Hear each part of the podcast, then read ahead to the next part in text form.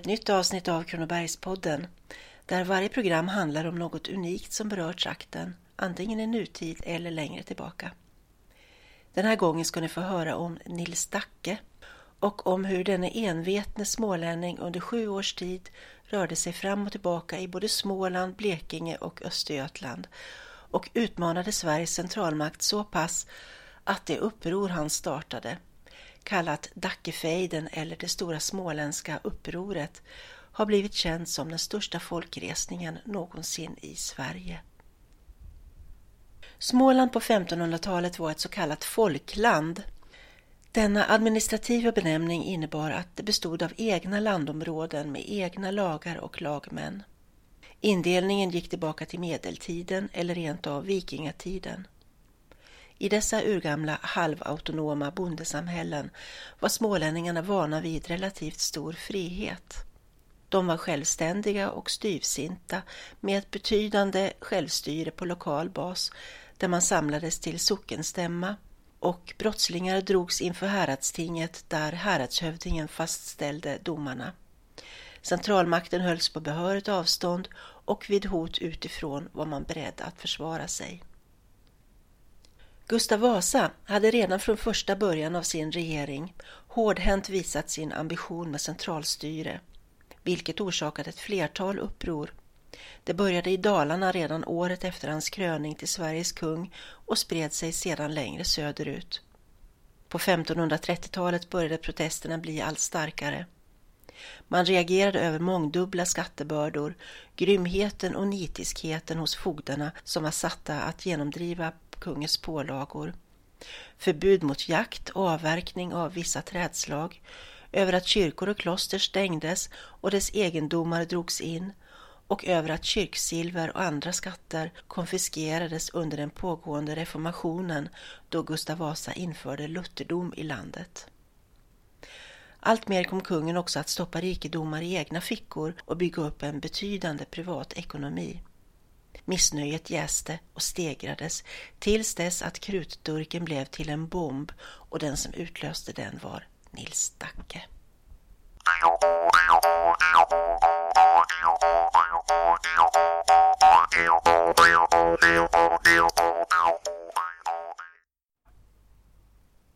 Dacke föddes cirka år 1510 i Vissefjärda socken i närheten av Emmaboda i Kalmar län.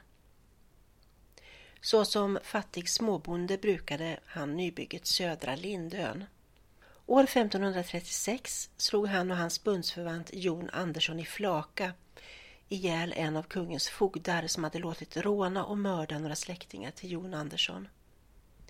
Därefter kom Dacke att leva fredlös i gränsskogarna mellan Småland och Blekinge tills han betalade böter till kronan motsvarande 20 oxars värde. Han sonade därmed sitt brott men blev å andra sidan utfattig. Därefter kom han att arrendera Jon Anderssons torp Flaken vid Lyckebyån. Men tiderna blev inte bättre.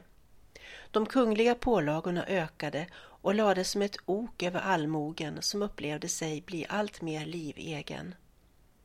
Fogdemord och lokala upplopp möttes av kungliga straffexpeditioner. Dagarna före midsommar år 1542 överföll och dödade ett trettiotal av Nils Dackes män, fogdar och en frälseman i Våxtorp söder om Kalmar. Förmodligen en blodshämnd. Men nu var upproret ett faktum och ett regelrätt inbördeskrig började.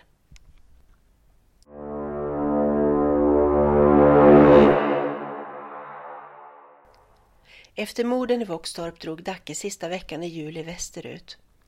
Allt fler anslöt sig till hans trupp och när han kom till Håmantorp hade han omkring 500 beväpnade män i sitt följe. Man var beväpnad med vad man hade. Påkar, knivar, armborst, pålyxor, spikklubbor och spjut. Nils Dacke avsåg att hålla landsting i Växjö för att vinna folkets röst för en fortsatt kamp mot överheten. Samtidigt syntes en sammanstötning med kungens trupper oundviklig. Riksrådet Gustav Olsson Stenbock hade förskansat sig med 400 man på Bergkvara slott och i striderna som följde kom Dacke att förlora ett 80-tal män. Det hela slutade med ett ömsesidigt gisslanutbyte och vapenvila. Ett avtal som kungen definitivt inte var nöjd med utan som tvärtom spädde på hans iver att krossa sin motståndare. Dacke intog Kronobergs slott och gjorde det till sin bas från sensommaren och året ut. Samtidigt som under hösten ytterligare strider mellan väpnade folkmassor och kungliga styrkor bröt ut på skilda platser, bland annat i ett slag vid Kisa. Dacke tycks emellertid ha strävat efter en fredlig uppgörelse med kungamakten.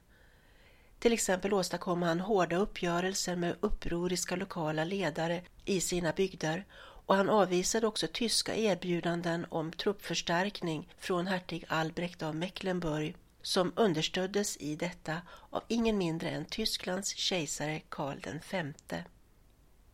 Den 25 november höll Dacke ett ting i Växjö där han förkunnade att fred skulle råda, plundring skulle upphöra, allt återgå till gammal ordning och han själv styra Småland som en lojal undersåte till Gustav Vasa, fastän med de privilegier som han redan hade fått. I januari 1543 upphävde Gustav Vasa vapenvilan och beordrade en armé om 5000 man att bege sig iväg och krossa upproret. Under en häftig strid väster om Virserum vid sjön Hjorten i slutet av mars månad blev Dacke skjuten genom båda låren och sårades svårt, men lyckades undkomma. Härigenom fick upproret ett avbräck och kungamakten stärktes. Flera häraden dagtingade med den rådande makten och lade ner sina vapen. Nils Dacke höll sig gömd, bland annat i en grotta i Hästmahult nära Torsås vid Blekingegränsen. Denna så kallade Dackegrotta är idag ett utflyktsmål. Till sist spårades han till Rödeby skog inte långt från Flaka som ju också låg vid gränsen till Blekinge och där sköts han ihjäl genomborrad av pilar. Kroppen fördes till Kalmar där den styckades och steglades varvid huvudet, krönt av en krona i koppar, sattes upp på en påle vid Söderport. Men Dacke var inte ensam där. Ytterligare tio andra avrättade rebeller hade hängts upp på krokar i stadsmuren. Allt i akt och mening att androm till varnagel avskräcka allmänheten från att sätta sig upp emot Sveriges kung.